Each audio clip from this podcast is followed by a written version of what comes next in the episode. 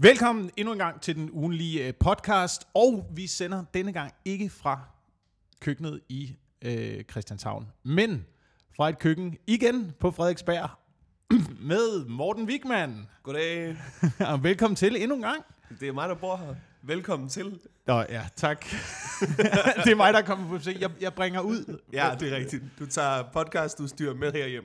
Ja, og øh, grunden til, at du er øh, gæst igen i den her uge, det er jo fordi, at øh, Mikkel Klentorius, a.k.a. den røde Pimpernel, ja. Walker, Texas Ginger. ja, han, er, øh, han er ude i verden. Og nu har vi endelig fundet ud af, hvor han er henne. Han er i Costa Rica. Costa Rica. Jeg fandt ud af det ved at være på øh, Instagram og se et billede af Mikkel Klentorius, som ligger i et vandhul i Costa Rica. Et vandhul lyder mindre fedt, end det er, tror jeg. Han ligger i, du ved... Ja, jamen, det er jo et vandhul. Det er et vandhul. ja, og han han har, fyldt med vand, ikke? Men det er en sø også. ja, det kan man sige. Det kan man sige.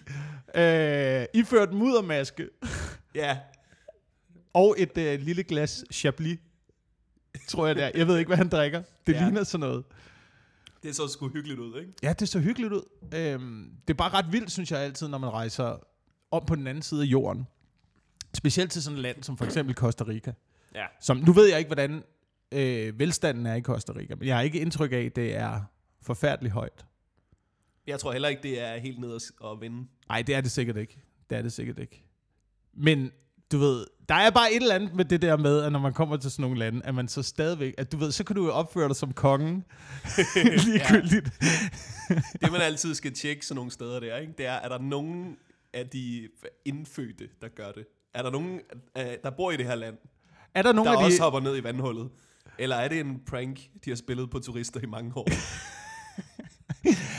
Hvad jeg lige kunne se på billedet, var der øh, ingen indfødte, der var iført muddermaske og chablis nej, i det vandhul. nej. Det er nok noget, de har fundet på i længden, ikke? Ja. Og kæft, mand, vi kan få turisterne ned i hullet. En, vi, sådan, vi smører mudder i hovedet på dem, du. en rigtig turistfælde. Nå, men, øh, men Mikkel er på den anden side af, af jorden. Øhm, så derfor, Morten, så er du med igen Yes, i den ugenlige podcast. Og der, der er flere grunde til, at jeg gerne vil have dig med igen Ja, i podcasten. Og den ene grund, det er, at Mikkel er væk. Men den anden grund, det er, at øh, du var også med i sidste uge. ja. Og der var noget, som jeg glemte at spørge dig om i sidste uge. Okay. Jeg troede, vi skulle rette alle de fejlagtige ting, vi fik sagt i sidste uges afsnit. Det skal vi også. Det skal vi også. Ja. jeg, var inde, jeg var inde og læse en af anmeldelserne øh, af vores podcast. Og hvis du kan lide podcasten, så smut lige ind forbi iTunes og giv en anmeldelse. Ja. Det vil vi blive glade for, fordi så kommer det ud til lidt flere mennesker. Men en af anmeldelserne, øhm, det var både positivt, de kunne godt lide podcasten, Ja. men kritikken var, at øh, vi havde ikke sat os nok ind i tingene. Nej, det er Vi rigtigt. havde ikke nogen baggrundsviden for Nej. det, vi snakkede om. Nej. Og, og det er fuldstændig rigtigt. Du har fuldstændig ret. Den, der rammer du hovedet på sømmet der. Men det er også ligesom præmissen for den her podcast. Hvis vi kun skulle snakke om ting, vi vidste noget om, ikke? så ville folk også blive rigtig træt af at høre om fiskeri, Ja, om ja. Magic Kort. ja. Altså, det skulle meget godt, vi bredte lidt ud. Men jeg fik da sagt nogle forkerte ting om håndbold, for eksempel. Jeg fik sagt, der var VM hvert år. Det er der ikke. Men jeg holder fast i min påstand om, at der er ingen, der kan lide håndbold. det føles dummere og dummere at holde fast i. Men jeg holder fast. ja. Det, det har jeg tænkt meget på i den her uge nu, specielt fordi der var øh, VM-finale, Ja. øh, og det gik jo godt. Danmark vandt. Mm. Tillykke, tror jeg. Øhm, jeg så ikke VM-finalen. Fordi Nej. jeg fandt først ud af, jeg, jeg har ikke fulgt med i det der håndbold, jeg fandt først ud af, at VM-finalen var der faktisk på dagen, Ja. da den blev sendt. Og så har jeg altid haft det sådan, jeg har aldrig rigtig set de der slutrunder. Nogle gange har jeg set den sidste kamp, men så er det altid endt med, at hver gang, at jeg er stillet ind på håndboldkampen, så er det gået her dårligt. Okay. Selvom det er gået godt hele Ja. vejen. Så det er ligesom sådan min... Du ved, så, så tænker jeg, jeg, jeg bliver nødt til at lade være med at se det, for jeg skal ikke jinxe det for hele Danmark. Jeg vil sige, jeg, jeg så, jeg så øh, noget af kampen i hvert fald. Øh, stor Ja. del af det. Og det gik så godt, at jeg tror godt, du kunne have set med. Okay, der var Ja. ikke nogen fare. Nej, det var virkelig ikke. Der var på et tidspunkt, hvor den stod 3-3, og så stak vi af. det var sådan det. Men det er rigtigt, vi ved ikke noget om håndbold. Men det er præmissen, det er præmissen Jeg for ved den her noget om podcast. håndbold. Jeg ved, altså, jeg ved da lidt. Jeg har gået til håndbold. Og jeg snakkede faktisk med Anders Stjernholm om det her, at øh, det er jo rigtigt, at det er en lortesport. Og ja. her er mit bevismateriale. Det er, at øh, når man gik til håndbold, og folk, der har gået til håndbold, de ved det her, at en gang imellem, så var det sindssygt fedt at være til håndboldtræning, fordi så gjorde træneren det, at han eller hun øh, kom ind med en fodbold, og så fik man lov til at spille fodbold. det var det fedeste, der kunne ske til håndboldtræning. Det var, må vi spille fodbold?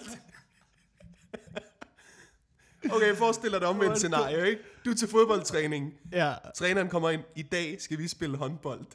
Boo!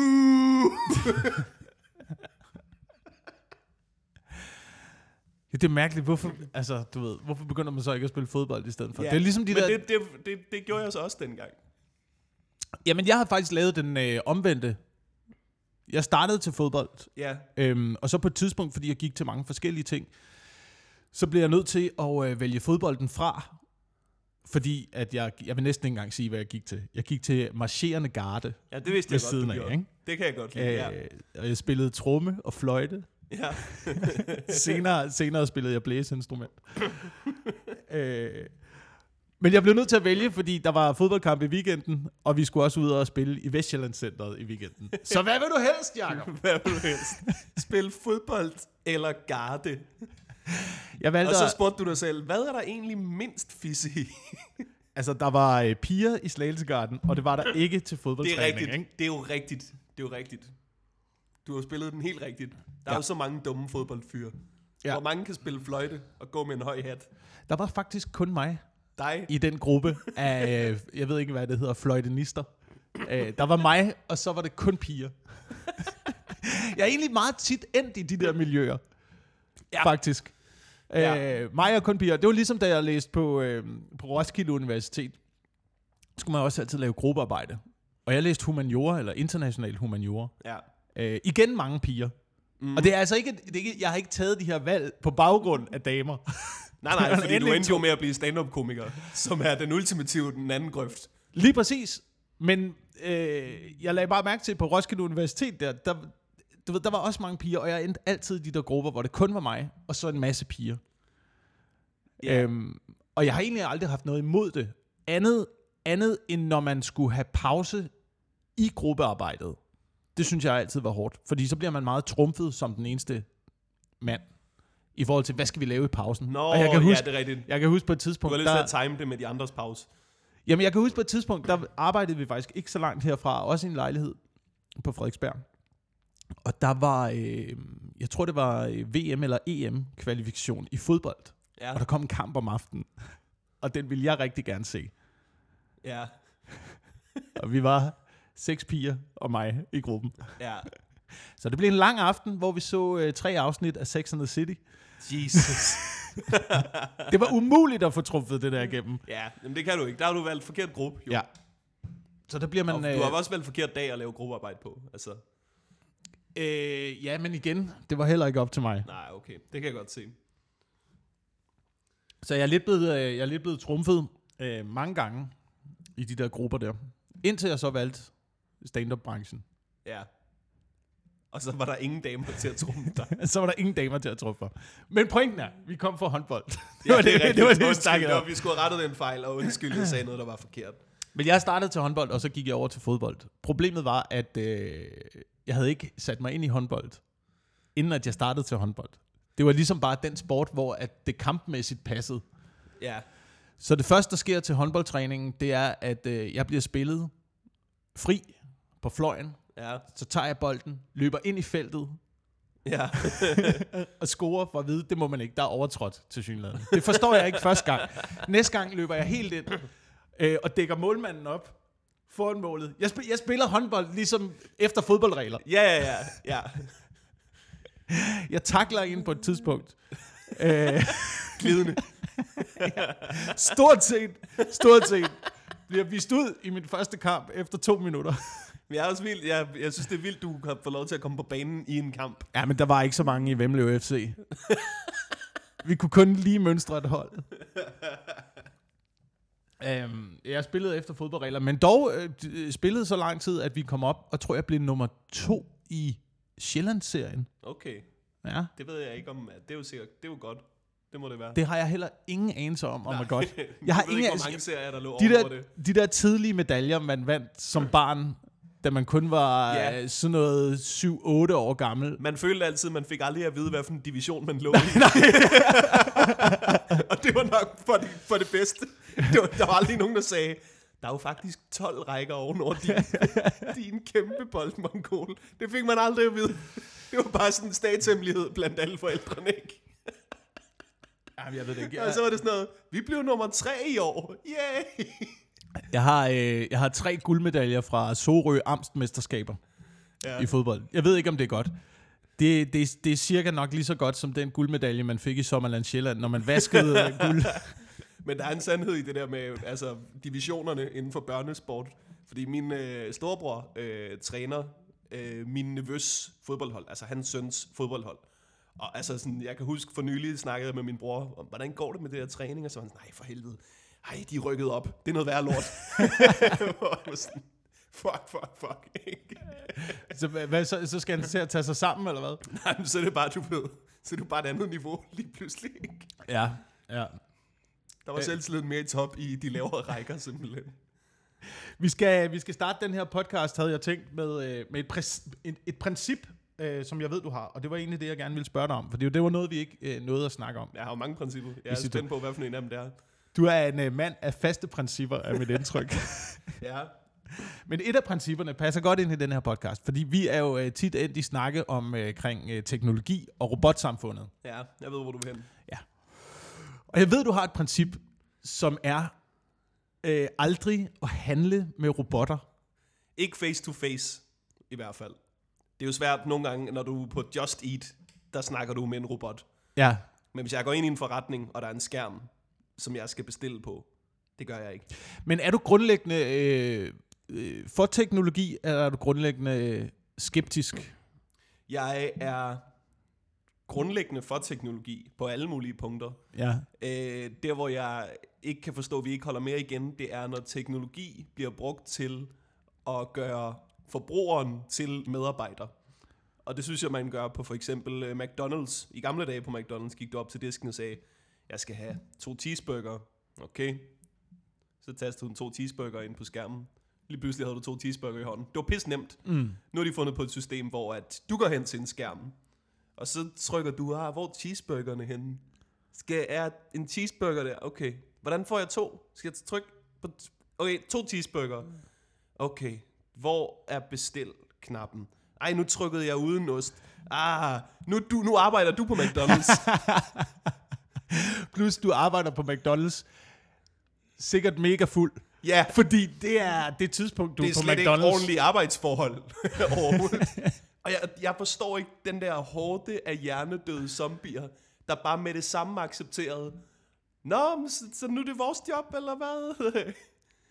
og jeg var på McDonald's så sent som i forgårs. Mm.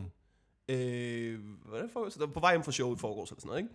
Og, og jeg går ind, og så går jeg op til disken for at bestille. Og så står man der og kugelurer super længe, mens de går hen og siger, du kan bare bestille skærmen. Nej, det gider jeg ikke. Ja, eller du kan passe dit arbejde. Ja, Nej, der står ja, ja, jeg kan også bestille et, et menneskeansigt lige foran ja. mig. Og det er et princip, der er svært at holde efterhånden. Men, øh, men jeg gør det stadig, og jeg vil opfordre andre til at gøre det samme, fordi vi skal ikke, vi skal ikke blive til ansatte i alle butikker, fordi de fandt ud af, at det var billigere at sætte en skærm op og mm. skide på deres kunder. Mm. Men det er, jo et, det, øh, altså det er jo et perspektiv, men der er jo også nogen, der har det perspektiv, at hvis øh, du handler med en robot, så tager man også arbejdet fra et menneske, der Ja. potentielt kunne Det er også rigtigt. få løn. Det er helt rigtigt. Det er, altså, når du så, hvis du handler med robotter hele livet, eller i hvert fald indtil du bliver 18, og du så kommer ud på arbejdsmarkedet en dag og sådan, der er ikke noget arbejde. Nej, fordi du kun gad snakke med robotter jo. Nu har de taget dit arbejde. De er også blevet bedre til det. Du kommer ikke til at indhente de robotter. Det irriterer mig. Vi skal, vi skal gøre noget ved det. Vi skal stoppe med at købe ting af robotter.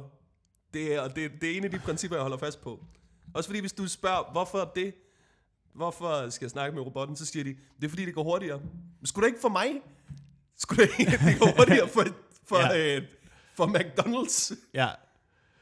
Ja, det går hurtigt for McDonald's, og McDonald's tjener flere penge. Ikke? Mm. Det er jo det princip, man altid skal tænke over. Hvis man ikke ved, hvorfor, så skal Ja. man altid tænke, øh, som er det Bill Burr, der har den joke, han siger, Ja. I don't know what you're trying to do, but you're not trying to make less money. Ja, lige præcis, lige præcis.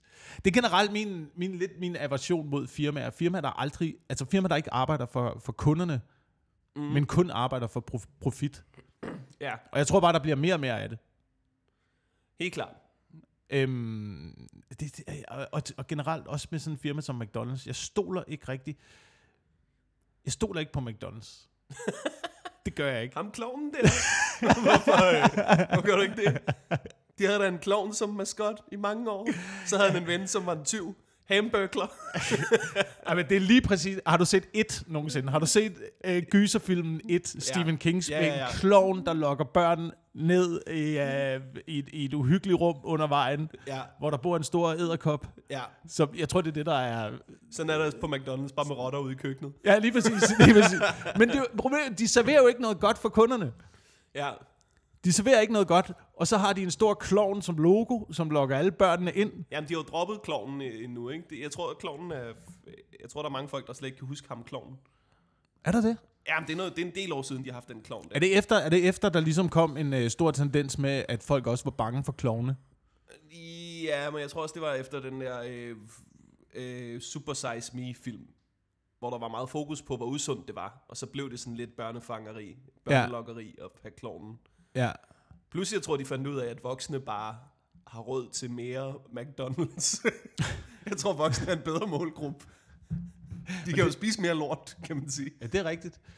Men det er det, der er lidt af problemet, synes jeg, med McDonald's, ikke? at de, de øh, serverer lort. Det gør de jo. Det er virkelig dårligt. Ja, ja, det vil jeg sige. Jeg var heller ikke stolt af, at jeg var inde på den McDonald's. Men det, er det er ikke- simpelthen sent. Jamen, det er det. Det er, det er for børn og fulde folk, ikke? Ja. Det jeg ikke forstår, ikke? Nu kan du jo bestille McDonald's over Volt. Du kan få McDonald's leveret. Og der, der er jeg nødt til at sige, hvad er det for en sørgelig suppedag, sørgelig suppedags af mennesker, der får McDonald's leveret. Du skal jo ind på en app, hvor der er andet mad, som er rigtigt, og som Ja. ja. er lækkert, som du skal sige nej til. jeg vil have papkassebøffen med halv oksekød, halvt urin og gud ved hvad. Leveret til min hoveddør. Også fordi, jeg kender godt det der med at få lyst til McDonald's. Mm. Jeg kender godt det der med, at man lige pludselig kan få lyst til det. Og så hvis der er en McDonald's, ah, lige hurtigt ind, ikke? Men hvis du bestiller det, det tager jo altså 40 minutter at få det bestilt. Det er 40 minutter, hvor du skal have lyst til McDonald's. Det har jeg aldrig prøvet. Jeg har aldrig truffet en dårlig beslutning, der tog så længe. Altså, hvis jeg bestiller McDonald's, jeg vil jo nå at finde noget bedre i mit køkken, så vil jeg jo finde noget gammelt knækbrød eller en papkasse op på loftet. Altså, Jamen, det er jeg er rigtigt. ked af det, hvis du får McDonald's leveret. Altså, du bliver den første, som evolutionen sorterer fra. Ja. det kan være, det, det, det kan være, det er det, vi skal have. Sådan et pointsystem, hvor man øh, samler ind. Du ved, man har snakket om det før fra regeringens side, ja. At man vil rate borgerne, ikke? Så. Ja. alle ens beslutninger, man tager, de kommer ligesom ind i et pointsystem. Ja. Og så hvis du har, øh, hvis du har mange point, hvis du har fået mange point, så kan du få lov at tage en flyrejse. Det er indført i Kina. Ja, ja, Kina laver det benhårdt. Øhm, Benhårdt. men det er jo sådan noget i forhold til CO2-udslippet. Men i forhold til, hvor godt menneske du er, kan det godt være, hver gang du bestiller McDonald's på Just Eat, mm. så giver det minus 1000 point. Ved Så kan du øh, ligesom selv vurdere. Men det er også fordi, det, men det jeg vil sige med det, det var, det er også fordi, det er også mærkeligt, at det jeg altid synes var lidt underligt med McDonald's, det er, at de har øh, børnehuset på Rigshospitalet. Mm. Det er jo fint, at man sponsorerer sådan en afdeling. Men potentielt, hvis børn kun spiser McDonald's, så kunne McDonald's også være grunden til, at man rent faktisk, Ja, det vil, jamen, det vil jeg sige. du ved, forurener kroppen så meget. Ja, men hvis børn kun spiser McDonald's, så er der nogle forældre, der skal aflives. Altså, Det er rigtigt, men det er ligesom... der vil, men så vil jeg sige, så skal du ikke bygge et hus, hvor forældrene kan se deres børn mere. De forældre skal se deres børn så lidt som muligt. Jeg synes bare, de prøver at købe sig en lille smule aflad. Det tror jeg også, de gør. Men er det ikke bedre end øh, ikke at købe noget aflad? Jo, det er selvfølgelig rigtigt. Det er Det er selvfølgelig... ikke øh, bedre end bare at sidde der på sine cheeseburger-millioner. Generelt en god retningslinje, tror jeg, hvis man er i tvivl omkring øh, organisationen, man handler med. Mm. Hvis de har ens hatte. det, det har altid været no-go for Hvis de mig. har ens hatte, Ved, øh, jamen, jeg har og- lyst til at finde... Øh, du har gået i garden. Hvad snakker du om? Det var, da heller ikke, det var jeg da heller ikke tilfreds med. Jeg blev da også... Jeg, jeg fik faktisk... I havde da helt ens, helt dumme hatte. Vi havde en, ens dumme, dumme hatte, men det var også lidt, den der slagelsegarde, det var også en lille smule diktatur. Det vil jeg sige. Og jeg, Ja. var, øh, jeg var 14 år gammel, 13-14 år gammel, og jeg, jeg har altid haft kraftig, kraftig modstand mod autoriteter. Ja, ja. aldrig Så er stolet på sted autoriteter. at ende der i øh, militæret. Men jeg har lyst til at finde den undtagelse, der bekræfter din regel. Der må være nogen med hatte, der gør noget helt genialt. Ja, men nu kan du lige se, nu viser der lige et billede her af min, øh, det er faktisk mit optagelsesbevis Ja. fra Slagelsegarden. Ja. Kan du se, og så hvis du læser helt nederst, du vil se, der står, hvor mange år jeg har gået. Jeg kan lige læse op for lytterne. Der står, det er et, flot, for det første et flot schema med et godt billede af en, øh, en, en 18-årig Jacob Wilson. Hvor gammel er du her? Ej, jeg er måske, jeg er måske 13, 13 Nå, 14 okay. år. 13, Jamen, jeg kan bare ikke forstå, hvorfor de skulle have... Nå, ah, det er Slagelsegarden. Det er fordi, du senere gik i Livgarden. Jo. Ja. ja. Okay, så du er 13 på det her tidspunkt. Øh, og, og nederst på det her schema står der, bortvist oktober 1998. Hvordan blev du smidt ud af Slagelsegarden? Jeg havde, et, øh, jeg havde et voldsomt opgør med ledelsen. Hvad, øh, blev der fløjtet forkert? Er der, blev der trummet på 1 og 3? Hvad, var- ja, hvad har du haft gang i?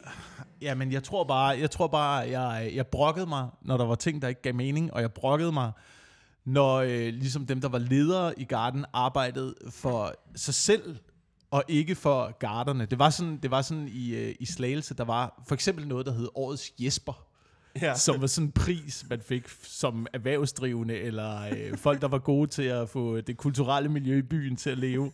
Ja. Så kunne man blive valgt til årets Jesper, så fik man øh, et rødt halsterklæde og en bowlerhat. Anja Andersen, som øh, kommer fra Slagelse, eller øh, spillede i Slagelse på et tidspunkt, blev valgt til årets Jesper. Nå, okay. Og der hænger billeder af alle dem, der er blevet årets Jesper. På Må jeg spørge, en, hvorfor en, den hedder Jesper, den pris? Hvorfor er det årets Jesper? Sikkert fordi ham den første, der Den fik første, der var en cool fyr, han, Jesper. han hed en Jesper. Ja, det tror jeg også. Men så må de jo året efter, Anja har vundet den, kalde. Nu hedder den årets Anja. Altså, altså det, det jeg føler, der er en, der hedder Jesper, der får for meget credit. Men han har jo nok gået med en bowlerhat og været lidt højt på strå. Ja. Men der er billeder af alle årets Jesper på en tavle nede i Slagelse. Ja. Ja. Un, øh, alle har bowlerhat på, undtagen Anja Andersen. Hun nægter at have bowlerhat på. Det var, hvad? det var simpelthen for Og det er fjollet. derfor, jeg kan lide hende. Det synes jeg også var et, øh, det var et godt valg. Men de her, de her, de her ledere i Garden, jamen nogle gange så havde man indtryk af, at de arbejdede mere for deres position i lokalmiljøet, end for at gøre noget godt for dem, der rent faktisk gik i Slagelse Garden. Ja. Så det var de der små, det var de der små ting, som jeg gjorde oprør mod. Ja. Og som 13-årig aner man jo ikke, hvordan man skal gøre, Nej. øh, gøre sin stemme hørt, eller gøre oprør. Øhm, så, så jeg tror bare, jeg var genstridig. Jamen, Og jeg tror bare, jeg ikke- var næsvis. Du skal heller ikke være medlem af sådan en garde. Du er garden, ikke? Nu siger jeg noget, og det er ikke for at mobbe 12-13 år i dig. Men det er jo, altså... Det er jo et band for folk, der ikke har venner, der spiller i et band. Ja. Du ved, du melder dig ind i det band, du- du kan melde dig ind i, ikke? Og alle kan være med i det, band. hvis du ikke har en fed ven, der spiller på bas, en fed ven, der spiller på trommer, så kan du som ung aspirerende musiker melde dig ind i en marcherende garde, og så får du lov til at være med i det mest lame band i verden. Har I Men- så nogle gigs? Ja, ja, vi bliver hyret på sådan en kommunal basis hver søndag. Står vi ude foran bageren.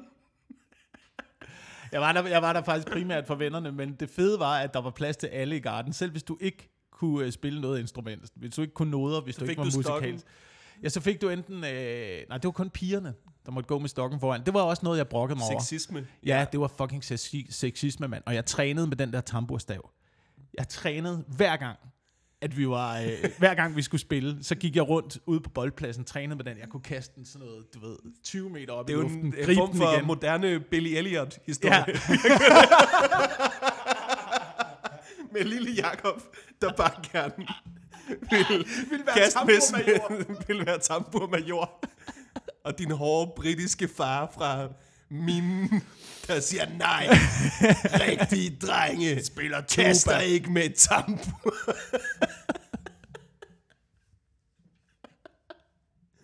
Det er kun kællinger, der bliver tamburmajorer.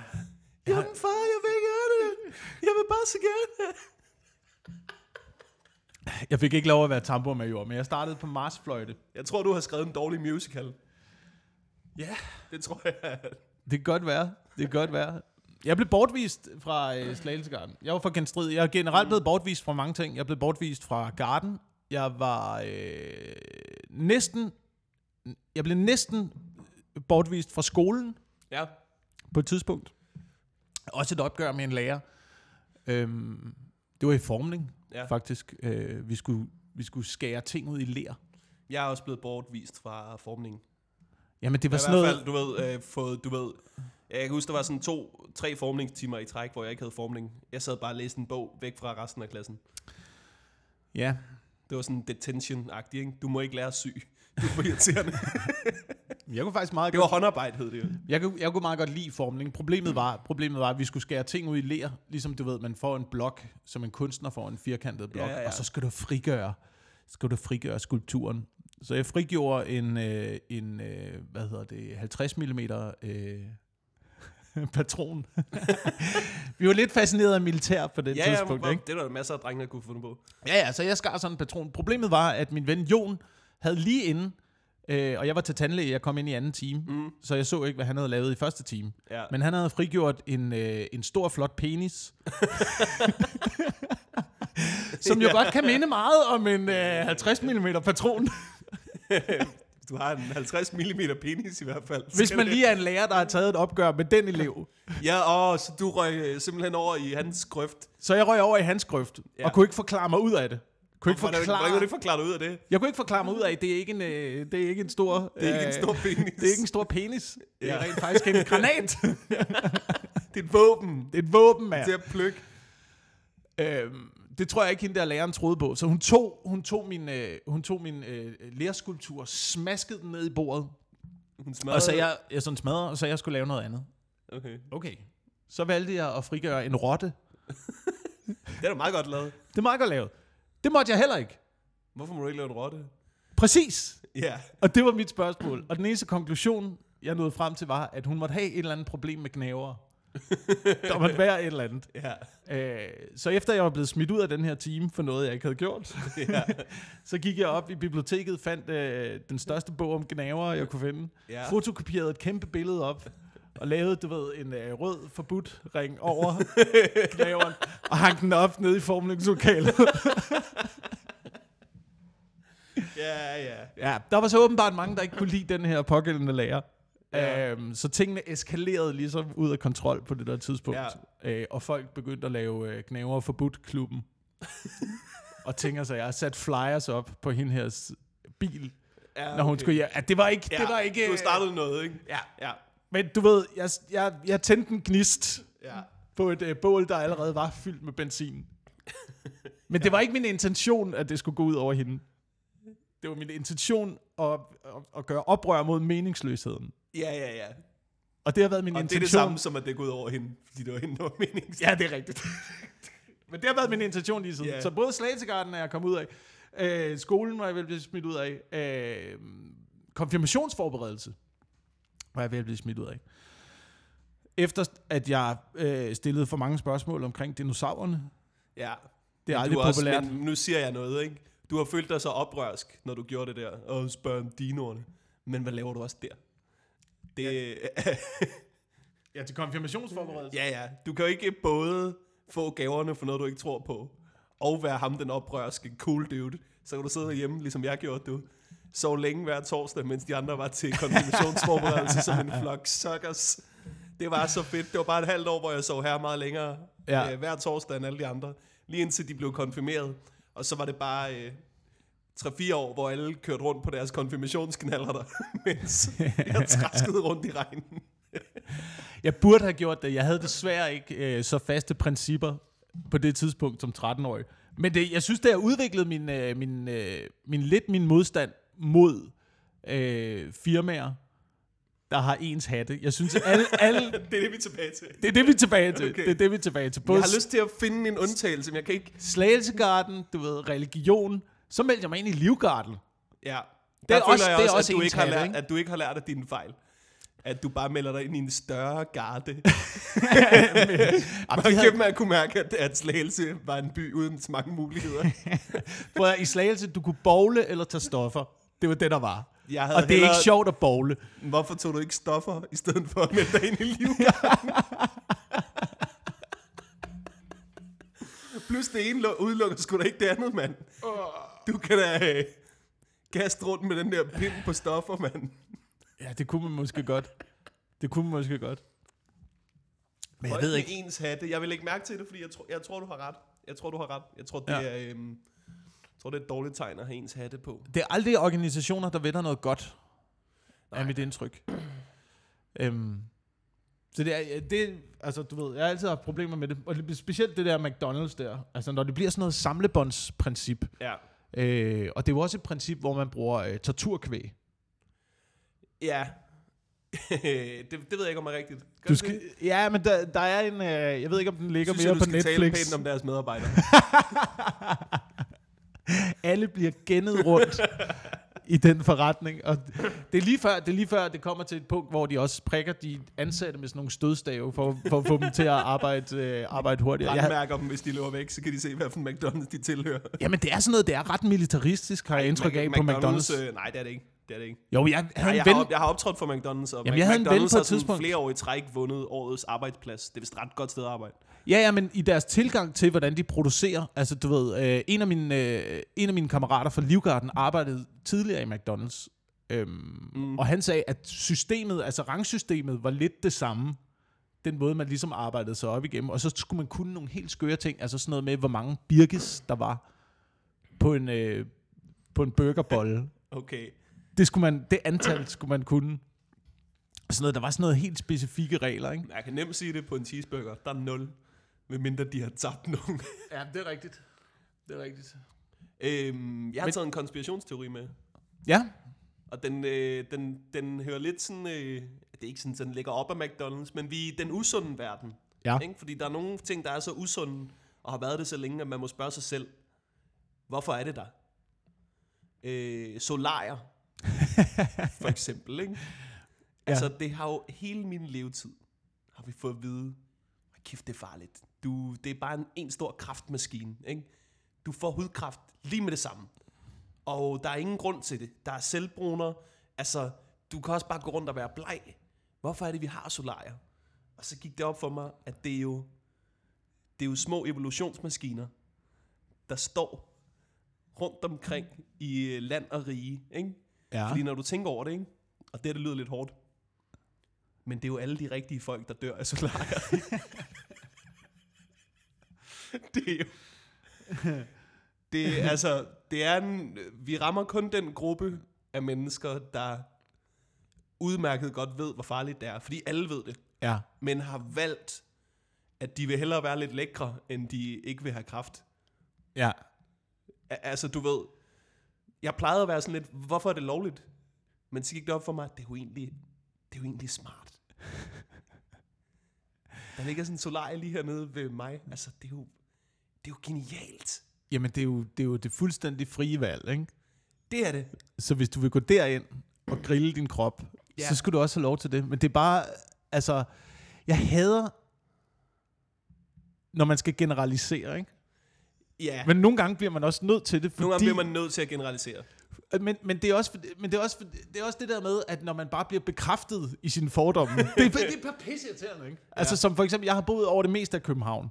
Jeg har aldrig set så mange koncentrerede solarier samlet øh, inden for et meget lille område, som da jeg flyttede til Amager. Nej, nej, det, det er jo bare øh, derude, det er tit. Der, der er bare et marked for det. Jeg vil sige, i resten, af, i resten af byen er der måske, du ved, et solarie per, per store kryds. Ja, Altså, de, de er jo sådan spredt lidt ud over det hele, ikke? ja. Men der er mange på, der er mange på Amager. Øhm, men hvis man også bliver ved med at blive bekræftet i, at øh, man er lækker, når man har været i solarie, ikke? Det er også en ting. Så skal man måske stoppe med det for at lokke folk ud af solarier. Ja. Du vil have det blege look tilbage. Hvad er det blege look tilbage? Ja, det gad jeg godt. Det synes jeg kunne være rart. Måske er det fordi, at man er lidt mere interessant, når man har været i solarie. Er det ikke også ligesom, når man kommer, hvis du kommer, møder op på arbejdspladsen, ikke? og du er lidt solbrun? Jo, Nej, har du været på ferie? hvor har du været på ferie henne, hva'? Ja, hvad så? Fortæl os en spændende eller? historie om Kreta. Jeg ved ikke, jeg tror, jeg har lidt svært med Sodai, fordi du ved, jeg er jo vokset op i, i Værløs. Det er sådan, øh, jeg tror, de fleste jyder vil kalde det for København. Mm.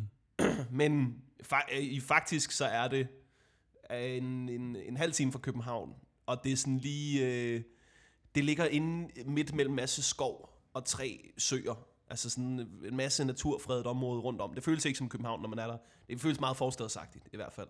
Og øh, derude i forstaden, det, det, folk gjorde det sikkert også i Slagelse, men folk bollede i solarierne. Ja. Ja, at det var en ting, ikke? At det, var- det var bare et rum, hvor du kunne låse dig selv inde, sammen med en eller anden øh, dame, du kunne bolle med. Og så gik folk derind og prylede hinanden simpelthen. Altså, da jeg fandt ud af det, det var sådan min primære... Det, det er næsten værre end risikoen for at få kraft. Ja, Det er risikoen for, at der har ligget et eller andet par fra Hvidovre, lige inden jeg kom derind. men jeg tror, det var der, de for alvor begyndte at afsplitte, ikke? Øh, at da man fandt ud af, at folk Ja. rent faktisk brugte det til det. Ja. Jeg har længe tænkt på, om sætningen nye rør, det er en form for ordspil på The Dick.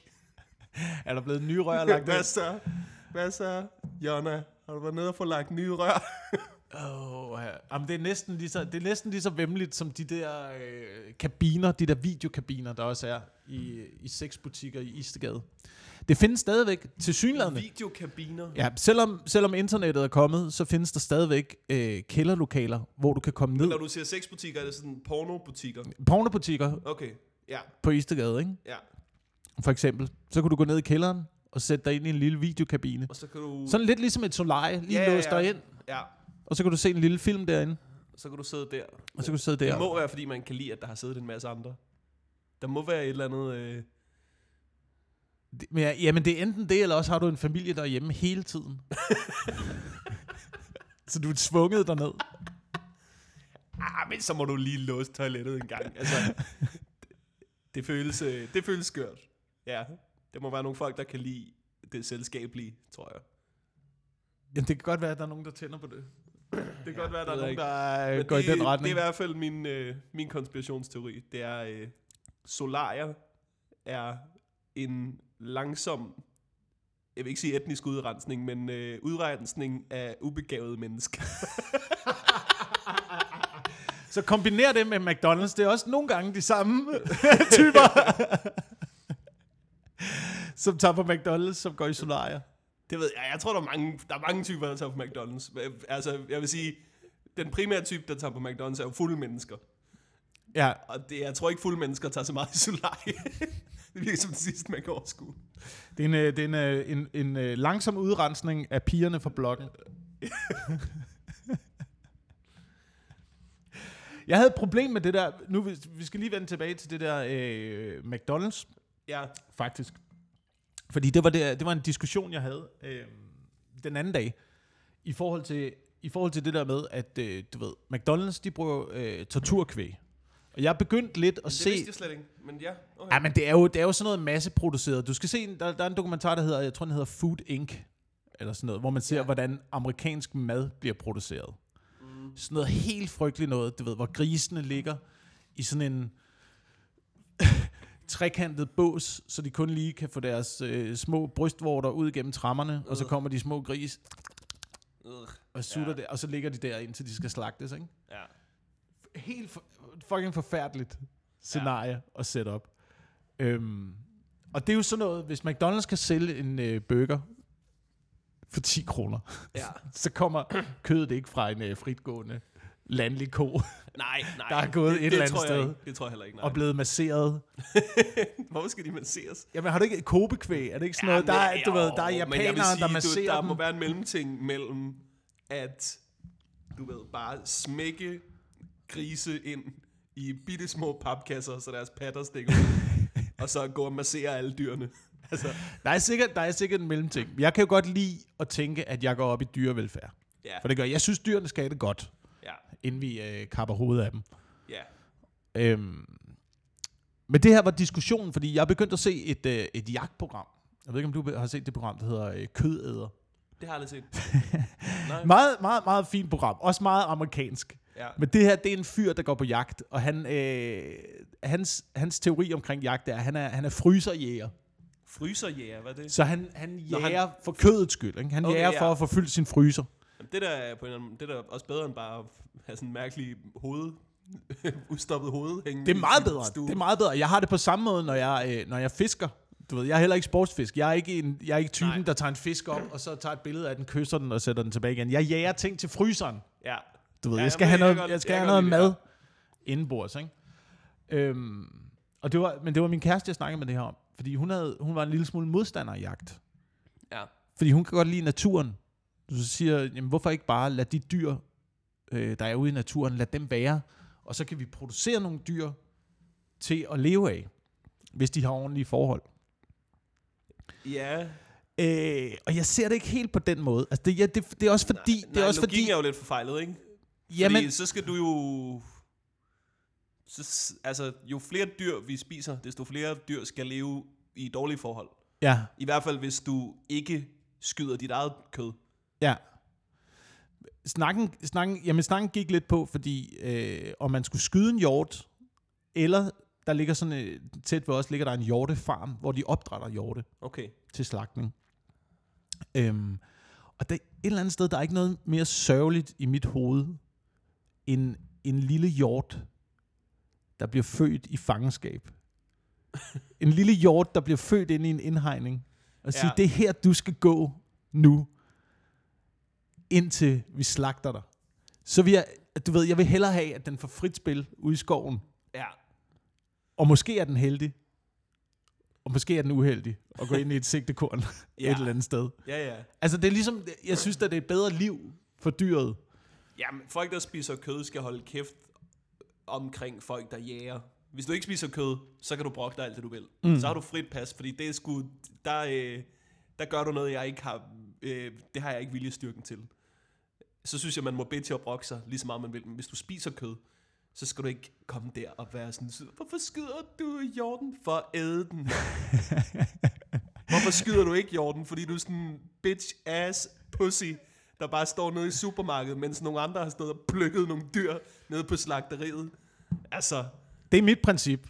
Det er, hvis du æder det, så skal du også være klar til at det. jeg vil 100% kunne dræbe alle de dyr, jeg spiser. Jeg vil ikke øh, kunne det fysisk, men hvis jeg stod i situationen, ja, det kunne godt... Øh, altså, det er mange kyllinger. Men, jeg vil ikke... Øh, det, det vil jeg ikke have et problem med, egentlig. Men en ting, øh, du ved, vi skal jo spise, øh, vi skal jo spise mindre kød, og der er meget debat om det, egentlig. Og øh, noget, der irriterer mig, det er, at dem, der sådan er ude på den fløj med, at vi skal spise mindre kød, de har jo ret, men de er så dårlige til at kæmpe den kamp. De er så dårlige. De kunne lære noget af den anden fløj. Ja. Det kunne de virkelig, fordi Veganerpartiet, for eksempel, ikke? Mm. det er jo, altså, de er jo 0% parate til at mødes på midten om noget som helst. Deres holdning er jo, alt kød er tortur og massedrab. Hvis du spiser kød, så fuck dig. Du er nederen, og du rører i helvede. Og kan du ikke se, at det er holocaust bare med kyllinger? Jeg overdriver ikke. Jeg overdriver ikke. Men sådan det er, er deres, det også. Det er deres holdning. Og der er man bare nødt til at sige, du ved, kunne I starte jeres kamp sådan lidt efter lidt? Lave Ja. det der politikertrik med, I lige først siger, hvad med det her? Ah, okay, nu er du med på den. Hvad så med det her, ikke? Øh, du kunne sige, øh, hvad med vi spiser, ikke spiser oksekød? Det er klart det, der forurener mest. Og det er sådan et stort, klogt dyr. Svinekød, er det ikke også sådan lidt... Det er, det, det er et af de dyr, der tættest på mennesket. Prøv at se, hvordan de lever. Altså sådan lidt efter lidt. Kæmp de små kampe hele tiden, ligesom DF gør. Ja. DF er pisse smart, ikke? Så er det burkaforbud. Så er det ude på ø. Hvad bliver det næste? Jamen, det bliver jo nok øh, det med, øh, med tørklæder i folkeskolen. De kæmper hele tiden bit, bit, bit, bit, bit, Skubber bit, små den, skubber ting. den lige Ja, ja, ja. lidt. Altså, du kan jo lære, dem der kæmper den samme kamp som dig, bare for det modsatte, dem kan du lære meget af. Den ene er sådan lidt, stop det her dyre holocaust, og den anden, de er sådan lidt, kan vi få den her holocaust? det er lidt hårdt sat op. Men det Men også jeg det- mener virkelig, de kunne lære noget af dem. Men det er vel også derfor, at der er så meget konflikt i øjeblikket, fordi fløjene er bare trukket op, Ja, og ja. alle har, du ved, meget skarpe holdninger, og Ja. der er ingen, der er klar til at mødes på midten. Nej, hvis Veganerpartiet møder en vegetar, er de jo sådan lidt, sidder du og spiser ost, dit klamme svin. I stedet for at være sådan lidt, okay, der er en, der prøver, han er på vej herover. Ja. Fint, ja, ja, nu har vi ham. Altså, Men de kunne da godt, de kunne da godt være glade nok for ost. Altså ting, der kommer ud af dyrene. som nødvendigvis ikke slår dem ihjel. Altså sådan noget ost Nej. og æg og sådan noget. Nej, Og- alle dyr skal gå med helt opsvulmede patter, indtil de eksploderer af mælk. Jeg kan godt forstå veganerne. Jeg kan godt forstå veganerne på det område, at hvis man har besøgt et slagteri. Jeg har besøgt et slagteri, og det er holocaust. Det ser fucking frygteligt ud. Ja, ja. Du ved, grisene kommer ind, øh, bliver kørt ind i en lastbil, ja. øh, indtil de bliver gasset. Vi lavede et afsnit af Comedy Fight Club, Ja, hvor vi, du ved, inde og se det her, og det var, altså, jeg tror, der gik to år, før jeg spiste en pølse. igen. jeg, synes, det var, jeg synes, det var frygteligt. Ja. Øhm, men jeg har det også sådan med nogle dyr, altså du ved, der bare, øh, dem der er dumme, ja, rigtig dumme dyr, sådan Ja. noget høns, for eksempel. fuck høns. Fuck høns. Prøv, vi har, Fuck fisk. ja, fuck fisk. Jeg har det sådan... Ved du, hvem der spiser allerflest fisk? fisk. Ja, Spiser her de laver ikke andet. Det er derfor, nogle gange, hvis du fanger en fisk, så kan du hive en anden fisk ud af den. Hvad skal jeg så stå der? Ej, jeg spiser kraftet med ikke fisk. Det er jo synd for den her fisk. Der har spist en anden fisk. Der har spist en tredje fisk. Jeg tror, jeg har fortalt det i Men øh, det et er- afsnit af den her podcast. Jeg fangede en torsk på et tidspunkt, mm. der, øh, der kastede en krabbe op på båden. Okay, ja. Øh, så tog jeg den med ind, rensede torsken, smed, øh, smed indvoldene ud, Mm. og så krabben stadigvæk var i live What? nede i den her spand. What? Så hældte jeg også krabben ud. Så tænkte jeg bare, den daler lige ned over den torsk, der lige har spist den. Så det har været den vildeste dag for den her krabbe. den er blevet et. ja. Og nu er den i gang med at æde den fisk, der startede med at æde den. What? Det havde den ikke regnet med. Det har været en sindssyg dag. Sindssyg dag. Men de der høns der, de der høns der, jeg har det bare sådan med sådan nogle dyr, der kommer igen, uanset ja. at de kan se, hvad fanden det er, der foregår Ja. inde i den der hønsegård. Vi har en hønsegård, ikke?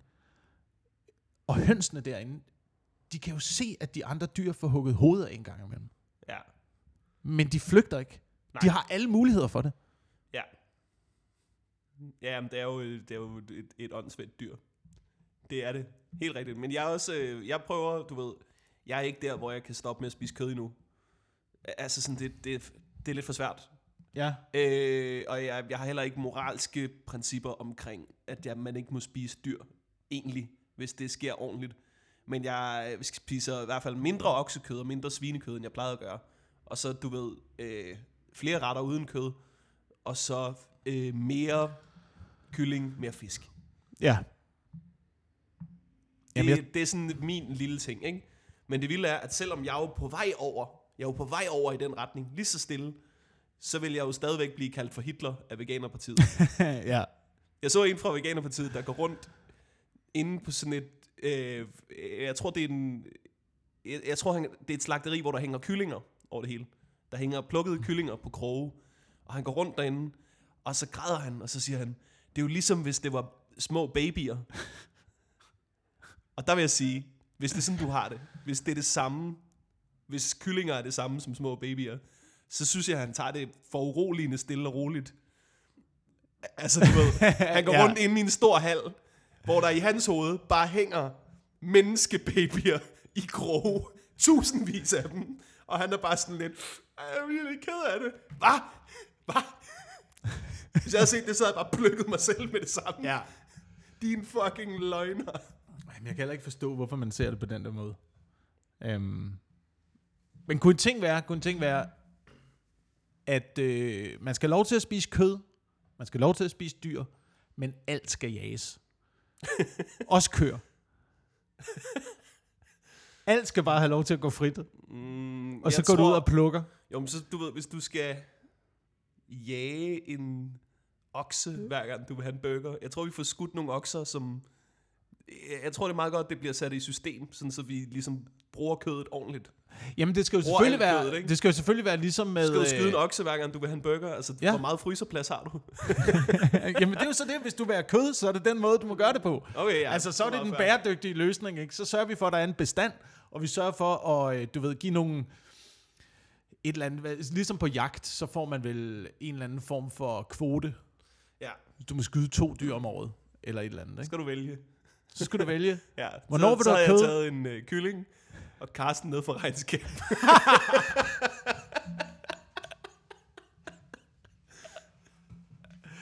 så længe du har fryserpladsen. Så længe du har frysepladsen til og det. opskriften. Åh, oh, jeg ved det Jeg ikke. synes, det er irriterende, at, at sådan, dem, der hævder, de er mest dyrevenner, det er tit dem, der ender med at behandle dyr dårligt. Altså, fordi jeg synes bare, man skal anerkende, at hvis man har et kæledyr, for eksempel, det er jo ikke for kæledyrets skyld. Hvis du har en af de der hunde, der har svært ved at trække vejret, altså de der, der er genetisk skabt til at se nuttet ud, i så høj en grad, at deres, altså deres næse er i vejen for deres vejrtrækning. Mm. Så den de hele tiden laver den der lyd, ikke? Det er jo et dyr, der er skabt, fordi at dyrevenner er nogle psykopater, Ja, der bare vil have mere nuttet, uden at tænke over, om det er godt for dyret. ja, ja. Og så Også det er der er derfor, sådan man skaber "Åh." de der meningsløse små hunde Ja, ja, også. ja. Dem der, der vil blive fucking dræbt i naturen. Ja. Altså sådan, det er så vildt, hvad vi har gjort med hunderasen. Det er jo så sindssygt at tænke på, at det hele bare bliver kaldt for hunden. Tænk på, sådan en lille chihuahua og en gigantisk chefer, ikke også? Det bliver bare kaldt for hunde. Ja, Prøv at tænke på, at vi har et, et, et navn for tiger, for pumaer, for bjergløver, for løver. Altså, der er jo meget mindre forskel på de dyr, end der er på en chihuahua og en chefer. Det er sgu da ikke det samme dyr, mand. Det er jo fordi, at der er nogle syge, syge Dr. Goebbels-typer, der ikke kunne få det nuttet nok. Men det skal kunne være i min taske. Hold din fucking kæft. Du kan ikke lide dyr. Du kan lide, hvordan de ser ud. Du behandler dem af helvede til. ja, ja. De der folk, de skal holde deres kæft for evigt. ja. du er mere Hitler, når du øh, har sådan en race. Det er super altså, nazi-forsøg-agtigt at være sådan lidt, hvor lille kan vi lave den her hund? Hvor ligegyldigt kan vi lave den? Ja, hvor meget kan vi få den væk fra dens naturlige tilstand, som er altså en stor fucking hund. De kommer fra ulve. Det kan du ikke se på altså sådan en lille fucking tæppetisser. Man siger jo Det tit, er jo syge eksperimenter, ja, det er sygt. som folk slæber rundt på i deres Gucci-tasker. Fordi de ikke tænker sig om. De tænker ikke over, hvor det kommer fra. Jeg tænker bare på det. Nu siger du Gucci-tasker. Man siger jo tit, at øh, hunde ligner deres ejere. Ja. Så du ved, folk, der har en chef for hunden, er på en måde. Men folk, der har ligegyldige hunde, ja. er det så også, fordi de har en ligegyldig ejer? Jeg vil i Er hvert det fald folk, sige, er det folk, hvor, er jeg det vil i folk hvert fald der, sige, at, at taskehundene, det er også tit dem, der står og fryser uden for solaret. det var det, jeg prøver. Ja, faktisk. Jeg vil sige, at øh, taskehundene har også tit nogle ejere, som er lidt nogle taskemennesker, som måske... Taskehundenes ejere har også tit en ejer. Ja.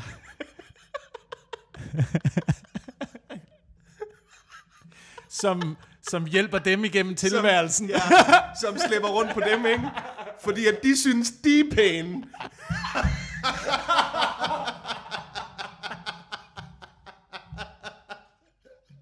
Okay, så når vi frem til noget her nu. Nu er vi kraftet med. Det her, det har jeg ret i. Jeg siger meget lort. Undskyld det med håndbold fra sidste uge. Men det der, ikke? Der har jeg fucking ret. Ja. Åh, ja. Ej, det er en god teori, det der. Ja, Det er fandme en god teori. det er det. Og jeg synes, at vi skal have nogle regler for kæledyr. Jeg synes, det, der er for mange, der må have dem. Øh, der skal være en test. Øhm, og det, det lyder meget sådan, folk bliver sådan lidt, når man siger test, så trækker de sig tilbage. Og er der ikke lidt mange test? Den her test, den er super simpel. Det er øh, skovtesten. Hvis ja. Ja. du har en hund, når du har haft den hund i et år, så skal du tage den ud i skoven, og så skal du tage snoren af den. Og hvis hunden løber væk, så er det ikke din hund længere. Ja. Den tilhører skoven nu. du kan godt beholde hunden, men så skal du bo i skoven.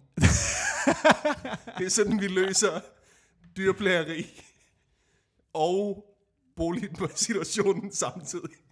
Ja. Ja. Det kan godt være, at der skulle være flere restriktioner over for de der kæledyr. Jeg har altid tænkt, hvis jeg skulle have en hund, så skulle det være så tæt på ulv som overhovedet muligt. Det er også sådan, jeg har det. Jeg havde, da jeg var lille, en cheferhund. Jeg Åh var meget oh, ja, for. det ville jeg gerne have.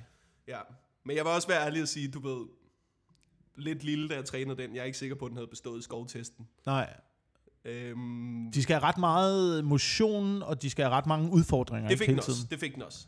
Men det, det, det var, øh, du ved, øh, disciplin var der måske ikke nok af i mit barndomshjem.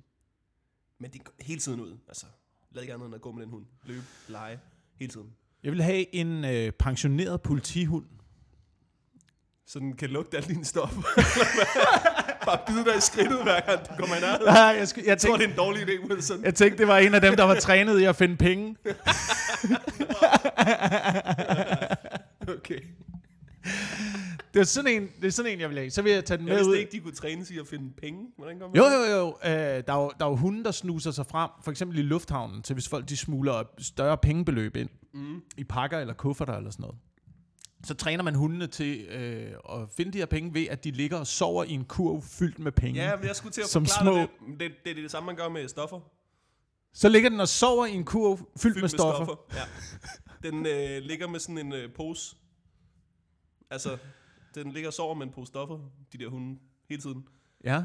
Øh, så den føler, det, at det, det, det er dens... Altså sådan, Og det er sådan en tryg, ja, ja, ja. tryghedsting. Det, det så er trygheden. Den bliver glad, når den finder den, stoffer. når den finder krokodil, så... Oh, Ja. Altså, det gør man. Men det er stadigvæk det er pakket ind i poser og sådan noget. Den, Ja, det mener jeg. Okay. Nej, det er ikke sådan, at de har frit coke. Drysset ud over fituskurv. Det tror jeg ikke. Jeg tror, det er en pose. Altså, hvis man ved, hvem der altid, du ved, gør alt for at få fat i sine stoffer, så er det hårde narkomaner, ikke? Så måske skulle man bare gøre de der politihunde til hårde junkier. Ja. Altså, politi- altså, jeg vil sige, hunden virker i forvejen, som om de er på coke. Det er faktisk Se, rigtigt. hvad jeg har fundet! Se, hvad jeg har fundet! Men det var derfor, jeg tænkte, få en hund til at finde penge. Jeg kan huske, der på et tidspunkt, ikke så langt fra, hvor jeg voksede op, blev fundet et, øh, et skjulested for penge. Et kæmpestort pengebeløb What? ude i skoven. Okay. Øh, og jeg tror, det har, det har sikkert været øh, enten fra et røveri eller fra narkohandel.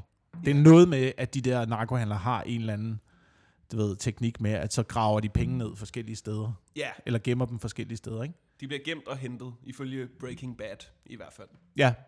Så tænk bare, du ved, hvis man kunne have en hund, der kunne lige opsnuse nogle depoter. Ja. Indimellem. Det ville nok også være Det en ville være farlig, sådan en, farlig øh, fritidsbeskæftigelse. Helt klart, ikke? Helt klart. Altså, men det er, jo, det er jo det samme som dem, der går rundt med en metaldetektor ude på stranden, ikke? Du har bare sat det Ja. ja. lidt bedre system, ikke? I næsen på en hund.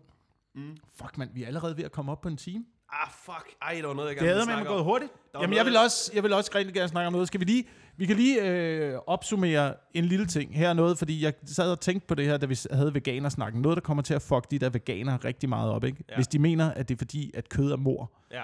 og dyr har en bevidsthed. Jeg ved ikke, om du har set det her. Der er nogle forskere, der har fundet ud af nu, at planter kommunikerer med hinanden. Okay. Plus, at vi er, er det sådan noget 99 eller 92 procent øh, identiske DNA-mæssigt med avocado. Nej, vi er ikke. jo. Nej, vi er ikke.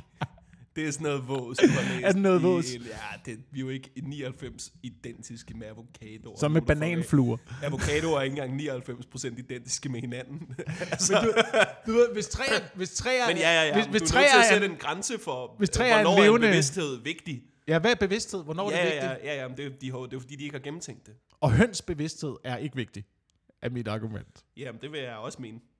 Men hvis træer og planter har en bevidsthed på et Ja. niveau og kommunikerer med hinanden, Mm.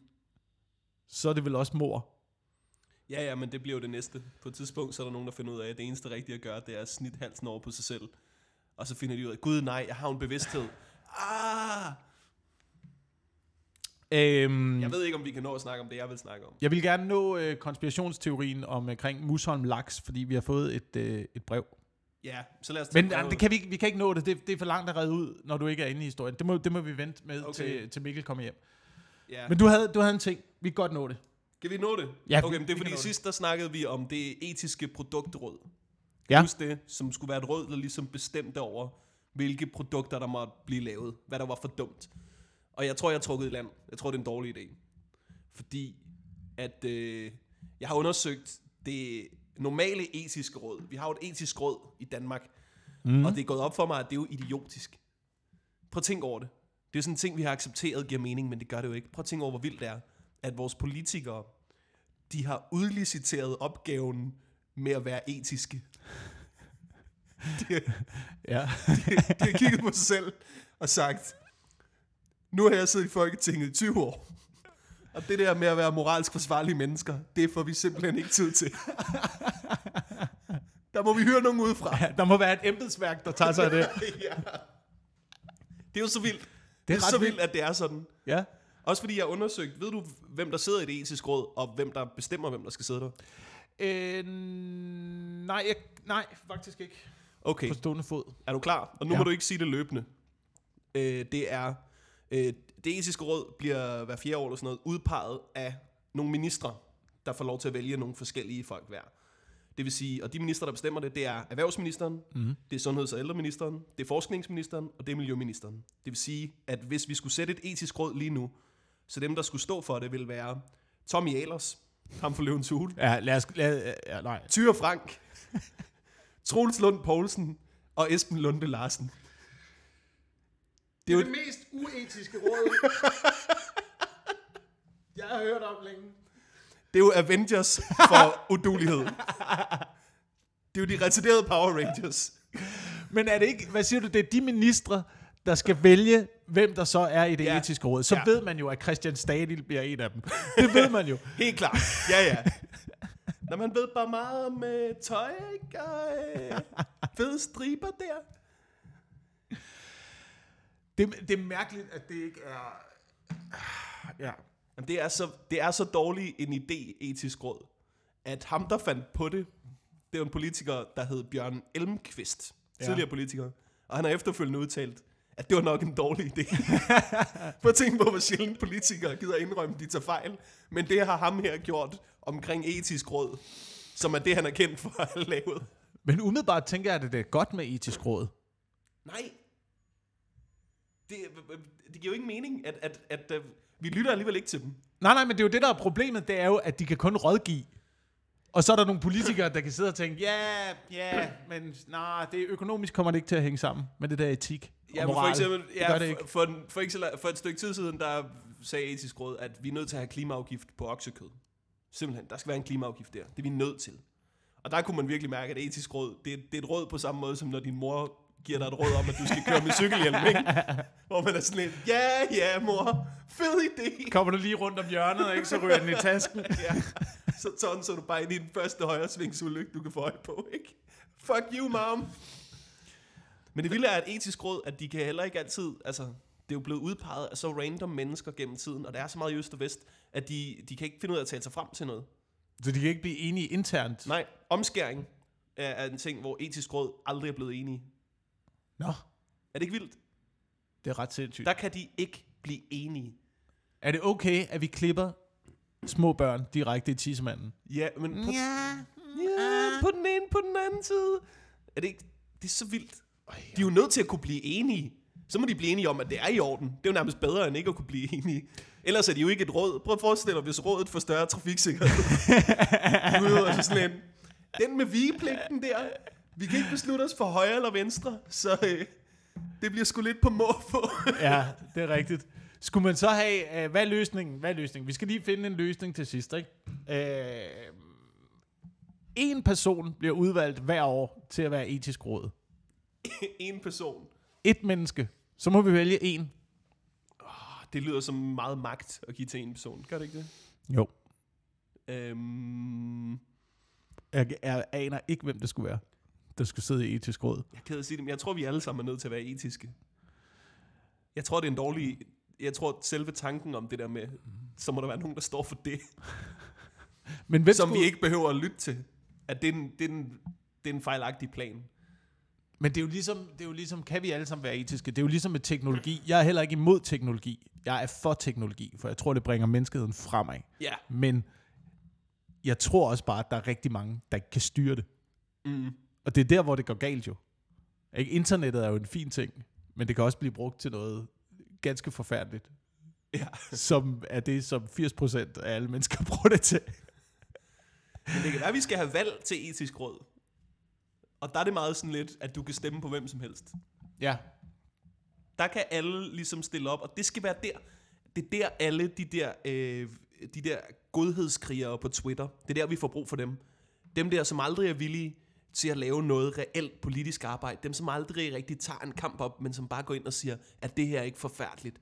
Det er der, vi har brug for dem i etisk råd. Så mm. ser vi, hvor gode mennesker de rent faktisk er. Hvad Ja. hvis etisk råd bare var dem, der havde fået flest likes? Hvorhen? Hvorhen? På hvilken platform? Det er en På dårlig hvilken idé. Platform? Det er en dårlig idé. Vi er, vi er, vi er Laursen og Christoffer. Bare lakserytteren, der sidder i. Jeg ved ikke. Hvad er en klimaafgift? Uh, ja, vi skal vælge folk ind. Uh, det er også en dum idé, at der kun sad en i etisk råd. Nogle gange, nogle gange tænker jeg bare, når man ser på hele det politiske billede, så tænker jeg nogle gange, at diktatur ville være en fin løsning. Det, jamen, det, Det kommer også an på, hvem det er. Prøv, hvis Margrethe Vestager var diktator. Ej, jeg tror, det vil stige hende til hovedet. Tror du det? Det tror jeg. Jeg tror, at du kan ikke være diktator uden at blive bims i længden. Hvad hvis man var diktator bare for øh, to år gange? Og så en ny diktator ind. Så en ny diktator. Ah, Det tror jeg ikke. Jamen, det er jo også det, er jo også det de kører i... Altså, der er jo så mange lande, der prøver det. Det der med Ja. at få en stærk person ind. Hvis det virkede godt, så havde det jo virket et sted. Man Ja. vil sige, at det bedste eksempel er Rusland. Jeg er med på, at det ikke er et diktatur. Mm. Og, Men det er jo det der princip med at få en, få en, få en stærk person, en stærk Ja. mand eller kvinde ind, og, der kan altså, styre. man kan også sige, tage Kina, beslutningerne. Kina arbejder sig hen imod det, ikke? Tyrkiet arbejder sig hen imod det. Og det er jo nærmest der, hvor det går bedst. jeg tror ikke, jeg er fan. Jeg Nej. tror, øh, så meget som vi brokker os, så skal vi sgu være meget glade for, hvordan vi har det. Mm. Vi, er, vi er ved at nå til vejs ende, desværre. Jeg ville ellers også gerne have snakket om øh, håbet for menneskeheden med de teenager, jeg mødte i uh, toget. Okay, der bliver ikke tid til håb i den her. Nej, nej. Men du ved, normalt, normalt, når der kommer en øh, skoleklasse ind i et tog, så tænker man, fuck, turen er ødelagt. Ja, Øh, denne her klasse, de snakkede respektfuldt til deres lærer. Det var meget vildt at opdage. vildt. Øh, de talte, de diskuterede blandt andet øh, bombardementet af den franske skole, Okay, øh, kvantefysik og gaffertape. what? Hvad klasse var det her? Mit umiddelbare bud vil være sådan noget måske første Okay, vildt. G-agtigt. Ja, shit. Det var, altså du ved, og de snakkede om, at de havde været ude øh, om natten for at se noget med stjerneformationer og sådan noget. Jeg tænkte, er de, er de fra en anden galakse, de her teenager? Hvad fanden foregår der? Ja, vildt nok. Der er håb for menneskeheden derude. Okay, så nåede vi lidt håb. Ja, der var lidt håb til sidst, og øh, hvis du vil plukke noget, så har vi også lige tid til det. Jamen, jeg skulle sgu da være klar til at plukke noget. Jeg skal på turné i april sammen med Mikkel Klintorius og Mohammed Habane. Og så har vi også nogle aftener på Comedy Zoo, som er i marts. Og øh, dem har jeg ikke lige skrevet ned her. På et tidspunkt i marts på et tidspunkt i marts. jeg på Comedy Zoo Aarhus. Ja. Og, øh, og der skal folk være meget velkomne. Øh, så kan jeg lige nævne igen, at jeg har one-man-show på Comedy Zoo den 9. marts. Ja, yeah, mand. Den 9. marts. Køb en billet. Køb lige en uh, billet og uh, lav det til en god aften. Der er billetter på comedysoo.dk. Jeg har jo set øh, meget af det materiale, du laver i øjeblikket. Ja. Jeg har set en halv time af det. Det er pis godt. Nå, tusind tak. Det tør jeg sgu godt øh, sige. Der er ikke mange, jeg gider at reklamere for. Faktisk nærmest ikke nu. Men det der, det gad jeg sgu godt til. Nå, tak. Jamen, øh, så er det der en øh, opfordring til lige at gå ind og øh, sikre sig en øh, billet. comedysoo.dk eller jakobwilson.dk Mm-hmm. er der også billetter. Morten Wigman, tusind tak, fordi du vil være med i den Øh, ugenlige podcast. Det, det har været så hyggeligt. Er Mikkel tilbage næste uge? Han er heller ikke tilbage næste uge, nej. Okay.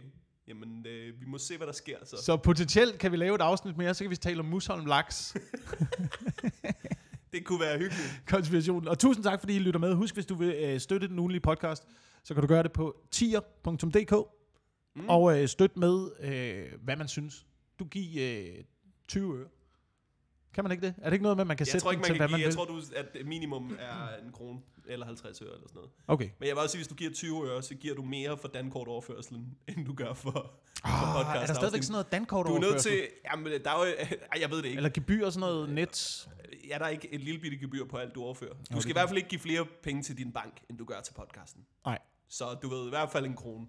Pengene går ubeskåret til øh, togture ja. Ja. og parkeringstilladelser i København.